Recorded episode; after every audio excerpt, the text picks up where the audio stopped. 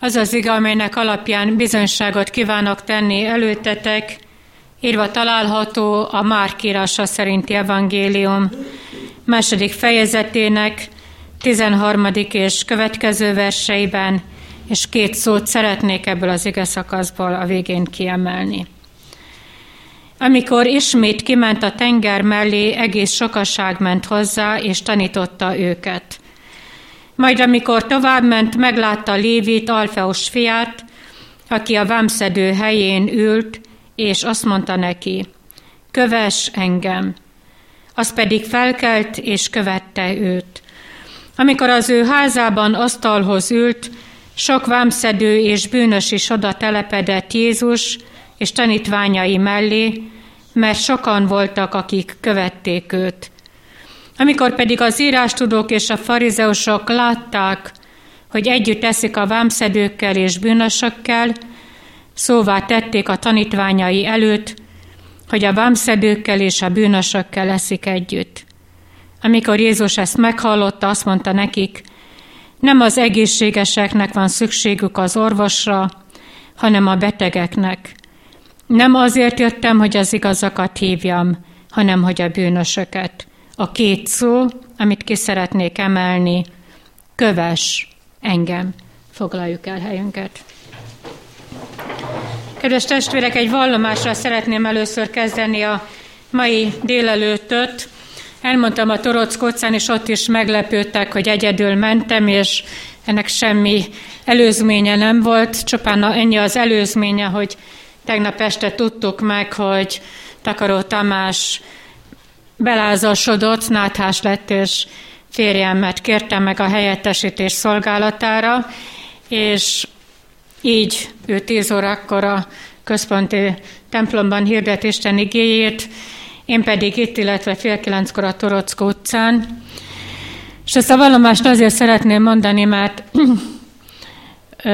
nem sok időm volt arra, hogy, hogy ezt az igét, ezeket az igéket úgymond teljes egészébe átrágjam, nagyon kapkodva készülöttem erre a bizonyságtételre, hisz tegnap este tudtam meg, és, és én úgy gondoltam, hogy csak jövő héten kedd lesz a napom, és akkor fogok erről az igéről, ezekről az igékről bizonyságot tenni.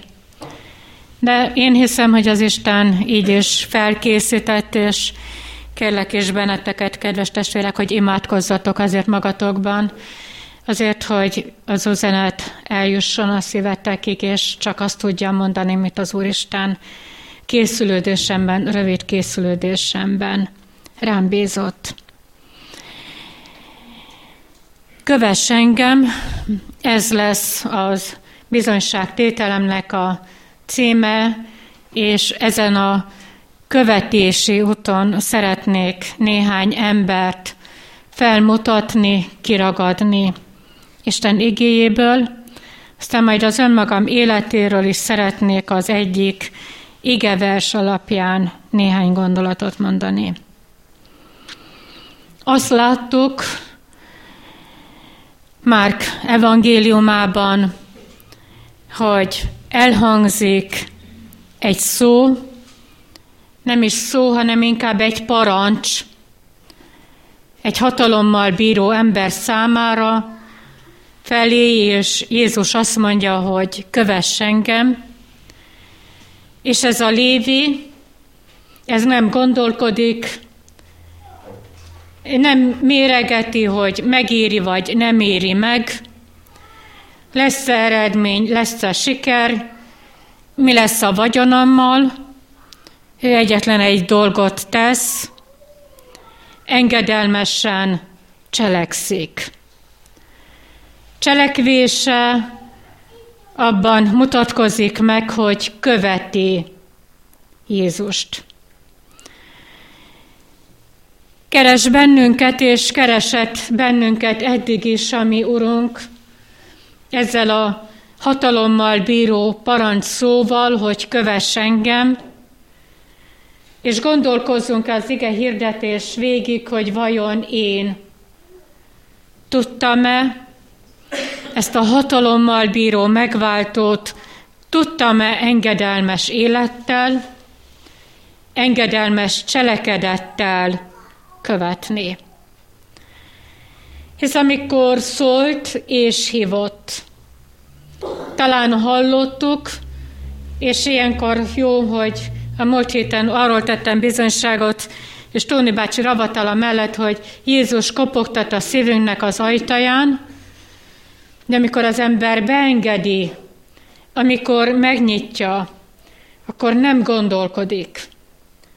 De ameddig ez a kilincs nem nyílik ki, addig, ameddig azt a lakatot vagy azt a kulcsot a zárban nem fordítottuk el, addig az ember méricskél, megéri.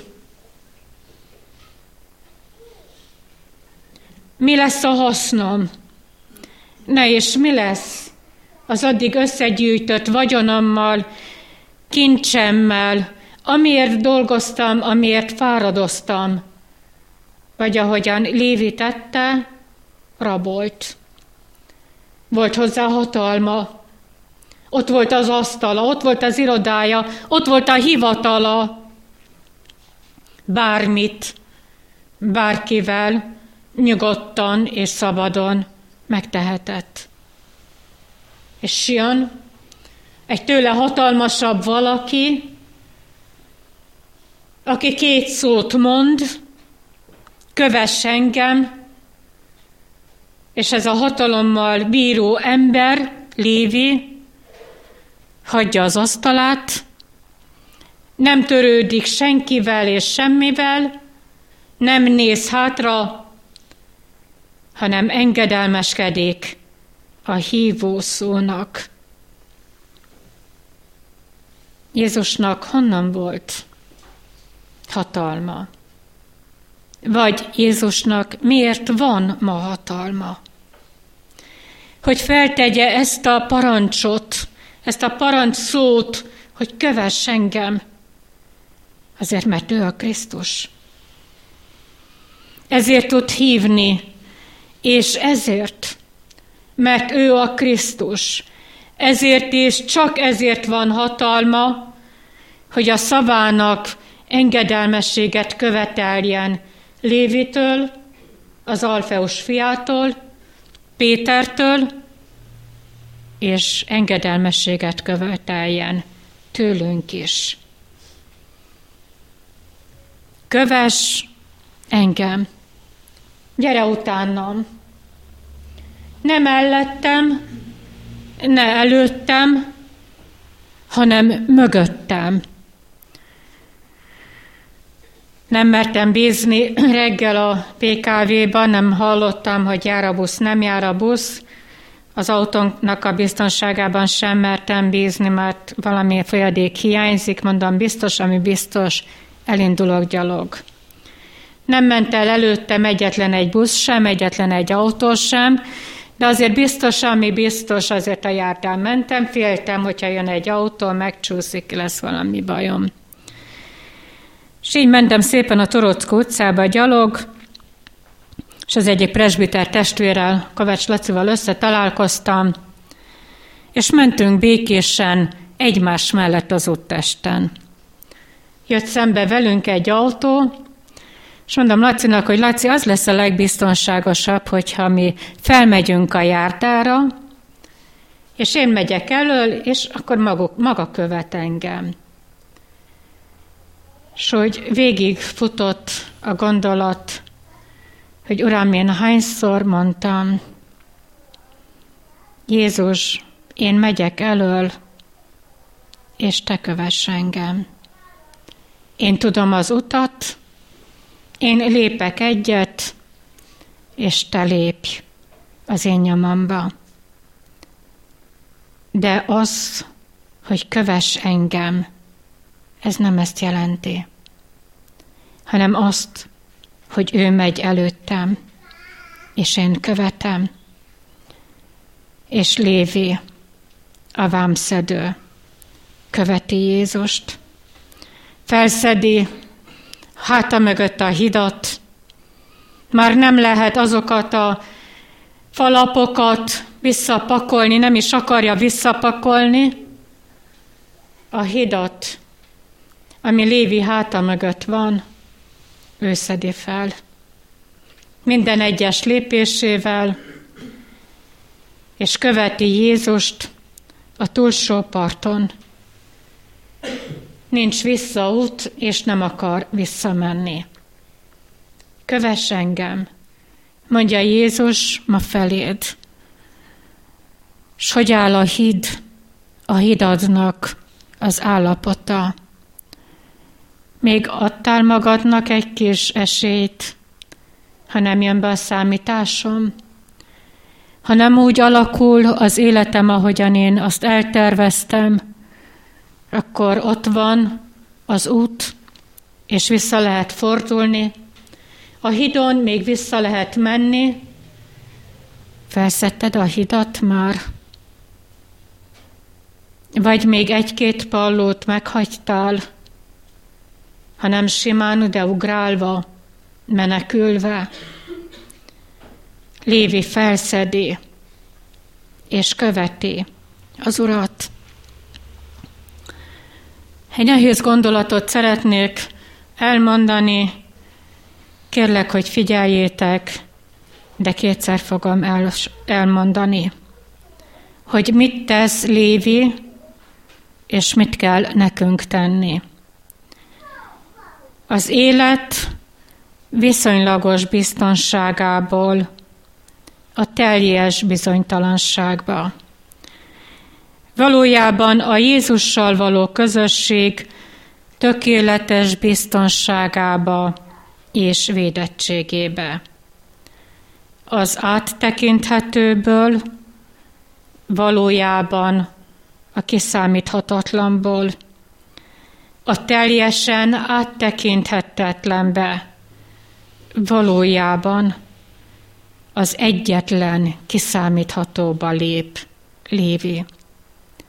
Mondom még egyszer. Az élet viszonylagos biztonságából a teljes bizonytalanságba. Valójában a Jézussal való közösség tökéletes biztonságába és védettségébe.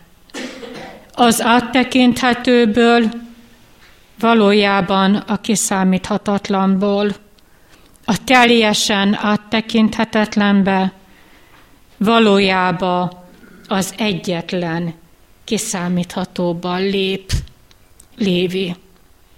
Léptél, drága testvérem? Hisz a parancs téged is szólít, és téged is hív, kövess engem. Kegyelmes hívás és kegyelmes parancs. És lehet, hogy azt mondjuk, hogy rendben van, Uram, követlek. Na de mi vár rám? Ezt a fényt, ezt a ragyogást, ezt a kies vidéket itt hagyni, egyáltalán megéri. Rátaláltam készülődésemben a 119. Zsoltár 45. versére.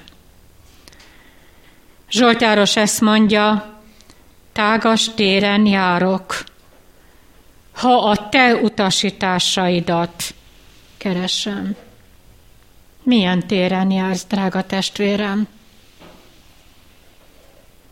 Tágas téren? Ott, ahol vannak korlátok, azért, hogy az Úr védjen téged, hogy ne es le, hogy biztonságban legyen az életed, de tágas az a tér, ha keresed az ő utasításait és parancsolatait. Köves engem. Ó, de kemény. Jézusnak ez a parancsa. Ó, de kemény. De kinek? Aki nem akar engedelmeskedni. Aki még ma is ezen a délelőttön megkeresi a kibúvókat, hogy miért nem.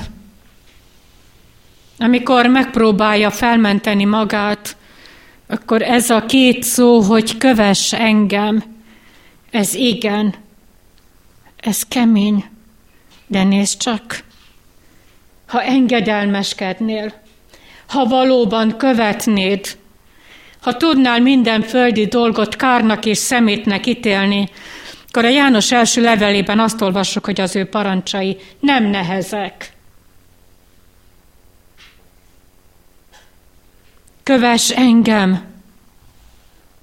Lévinek nem volt ereje, nem volt hatalma, annyi erőt és annyi hatalmat az asztal, a rang, a pénz és a vagyon nem adott neki, hogy ő neki lett volna ereje önmagától felállni. Önmagától lemondani arról az asztal nyújtotta biztonságról, arról a vagyonról. De Jézus hív, és kegyelemből hív, hogy kövess engem. Milyen ez az út? Minden emberi értelmet felülhaladó kegyelmes út lesz. Kövess engem. És akik követték, azok minnyáján arról számoltak be, hogy ez, ezen az úton öröm volt az ő életükben. És azt mondjuk, hogy hát Uram, nézd, leesett ez a félméteres hó, csúszik az út, hideget mondanak, elcsúszok, nem csúszok el, még akkor is, hogyha a gyülekezeti teremben vagyunk. Kis rá tapadt még a cipőm sarkára, és azon egyet csúsztam, de nem elég ez.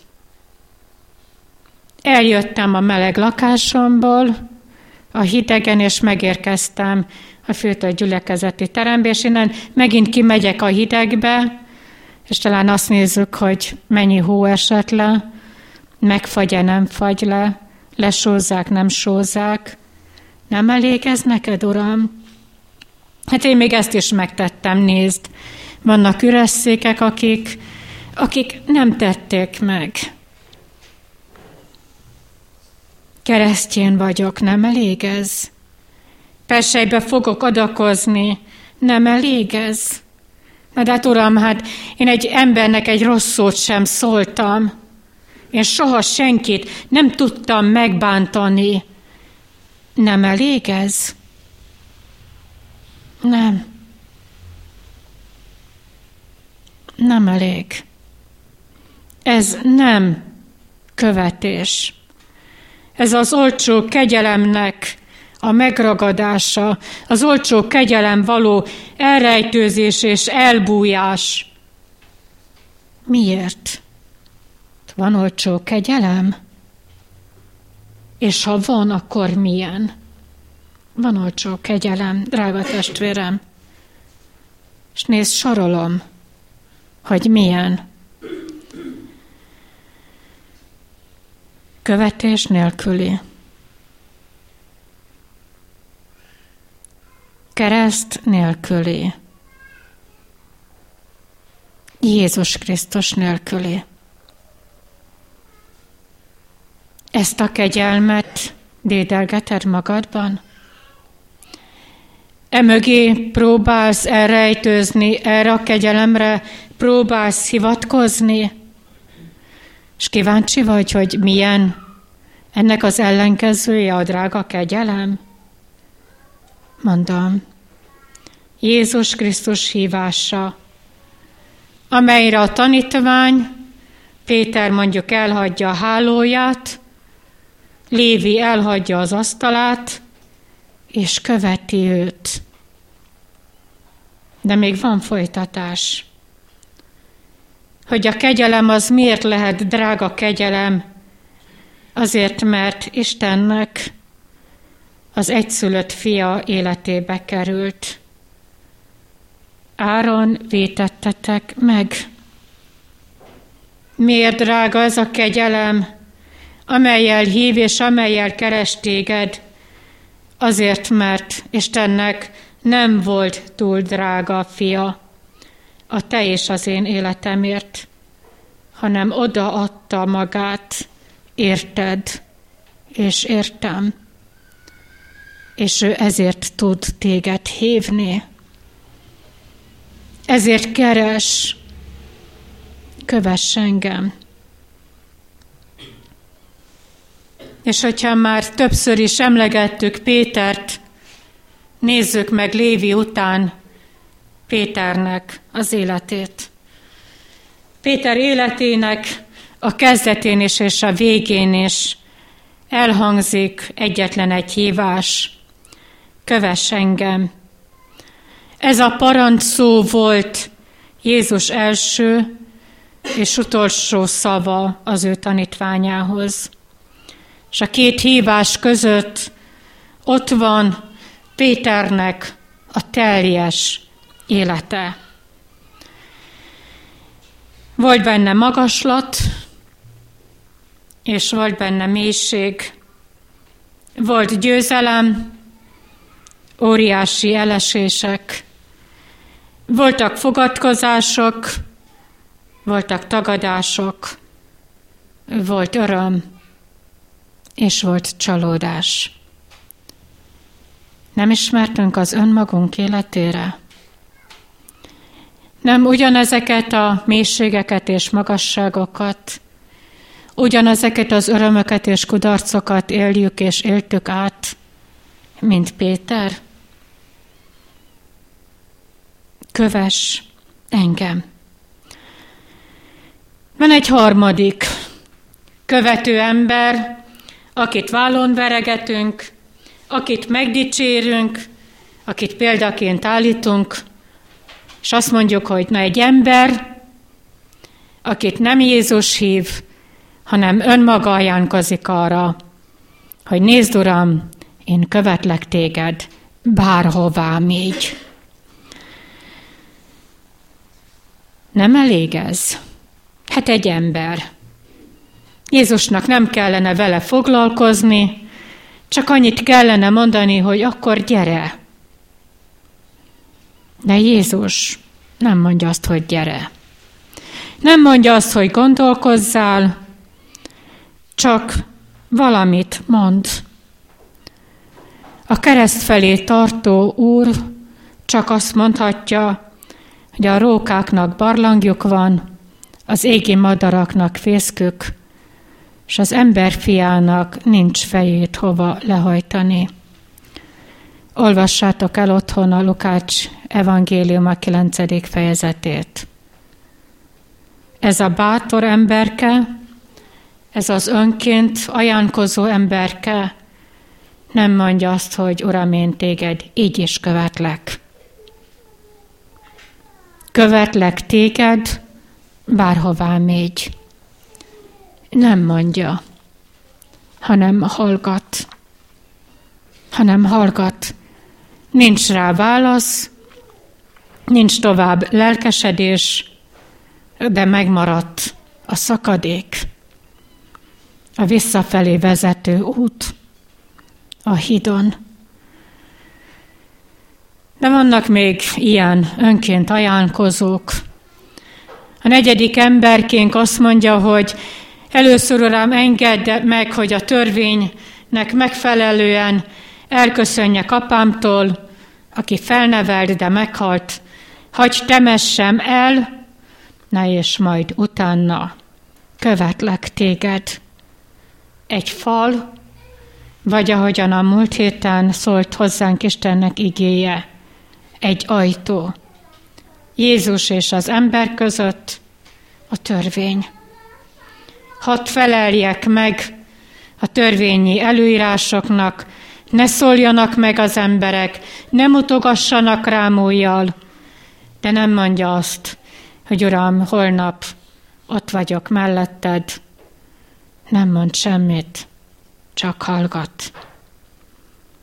És aztán van az ötödik emberke, aki feltételt szab, aki azt mondja, hogy előbb engedd meg.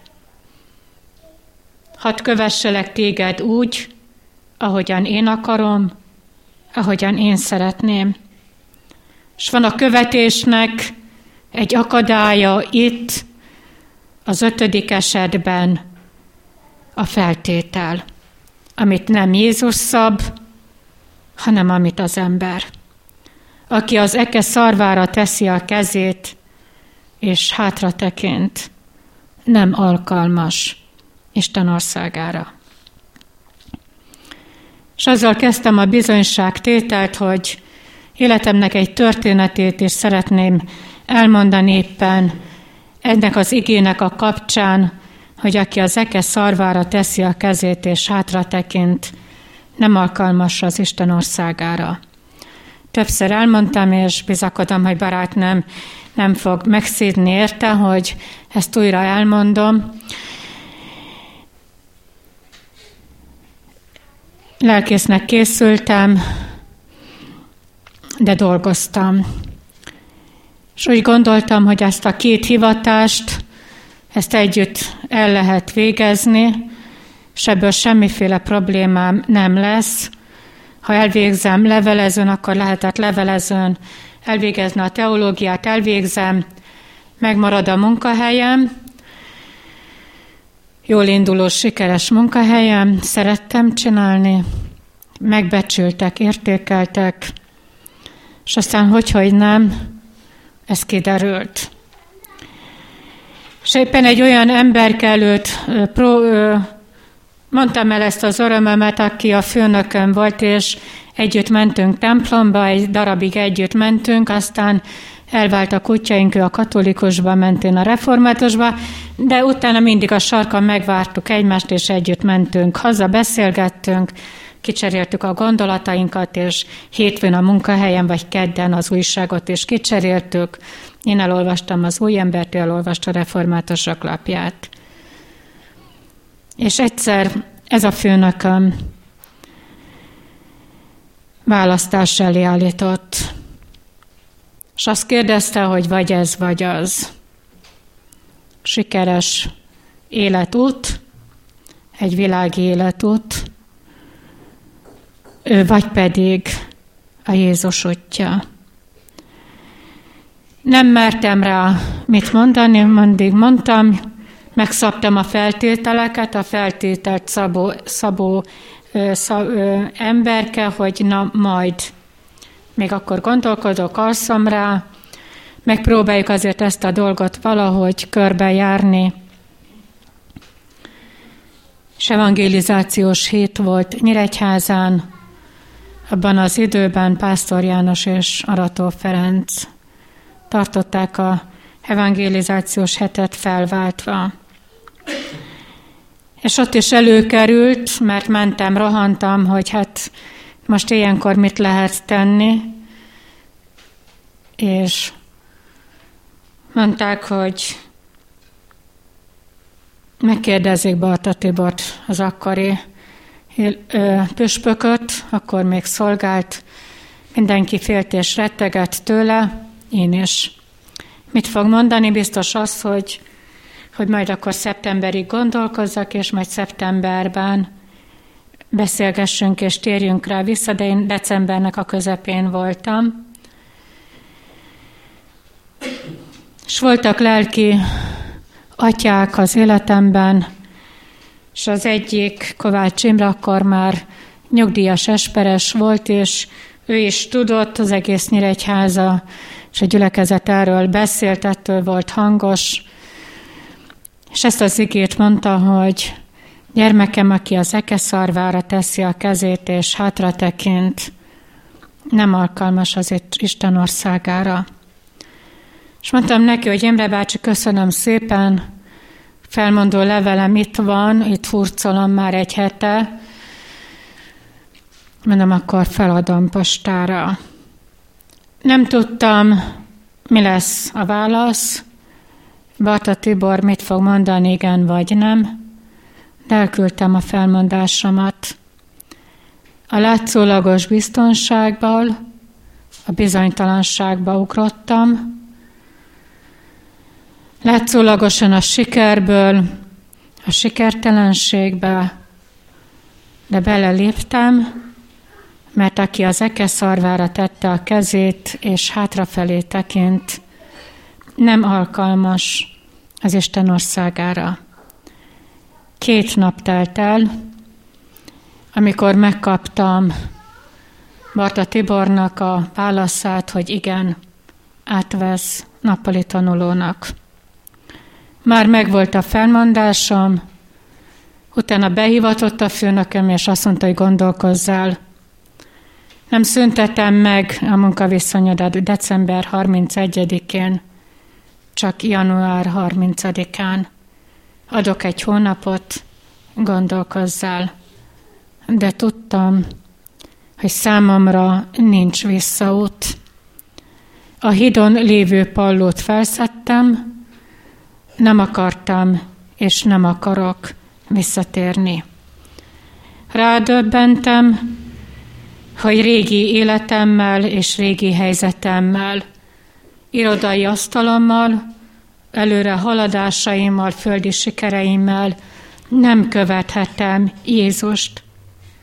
A vámszedő elhagyja asztalát, Péter otthagyta a hálóját, én lemondtam a világi állásomról, és követtem Jézust, még akkor is, hogyha bukdácsolva, de követtem.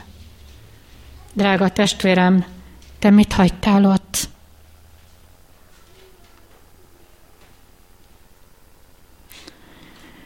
Felteszed a kérdést, hogy nem lehetne ezt valahogy másként elrendezni, nem lehetne valamilyen kiskaput megkeresni? Magam életéből tudom, hogy nem. Mert Lévi csak így tudtam megismerni egyetlen egy uraként az Urat Jézus Krisztust, hogy ott hagyta az asztalát.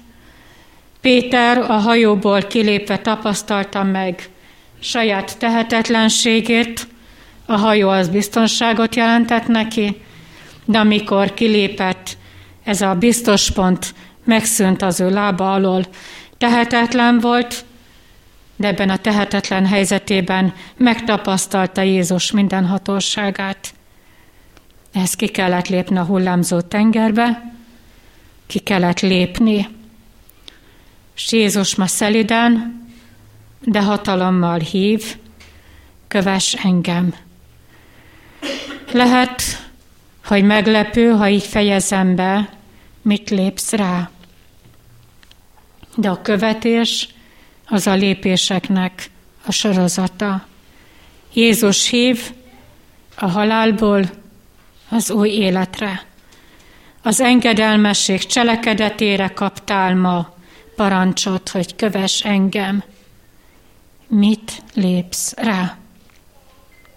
Válaszottól és lépésettől életed múlik, és életed függ. Mit lépsz Jézus hívására? Kövess engem. Amen. Úr Jézus, nem nincs hozzá erőnk arra, hogy mi magunktól kövessünk téged.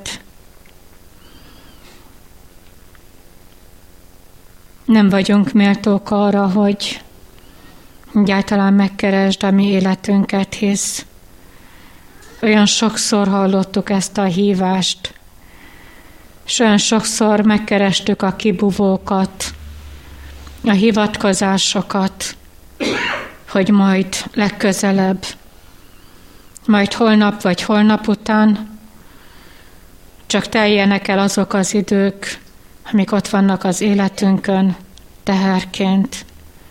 Na és majd utána, most még egy kicsit mást hagy tegyek, és majd talán, ha megöregszem, talán, ha majd mélységbe kerül az életem, ha majd betegséggel látogatsz, na majd akkor.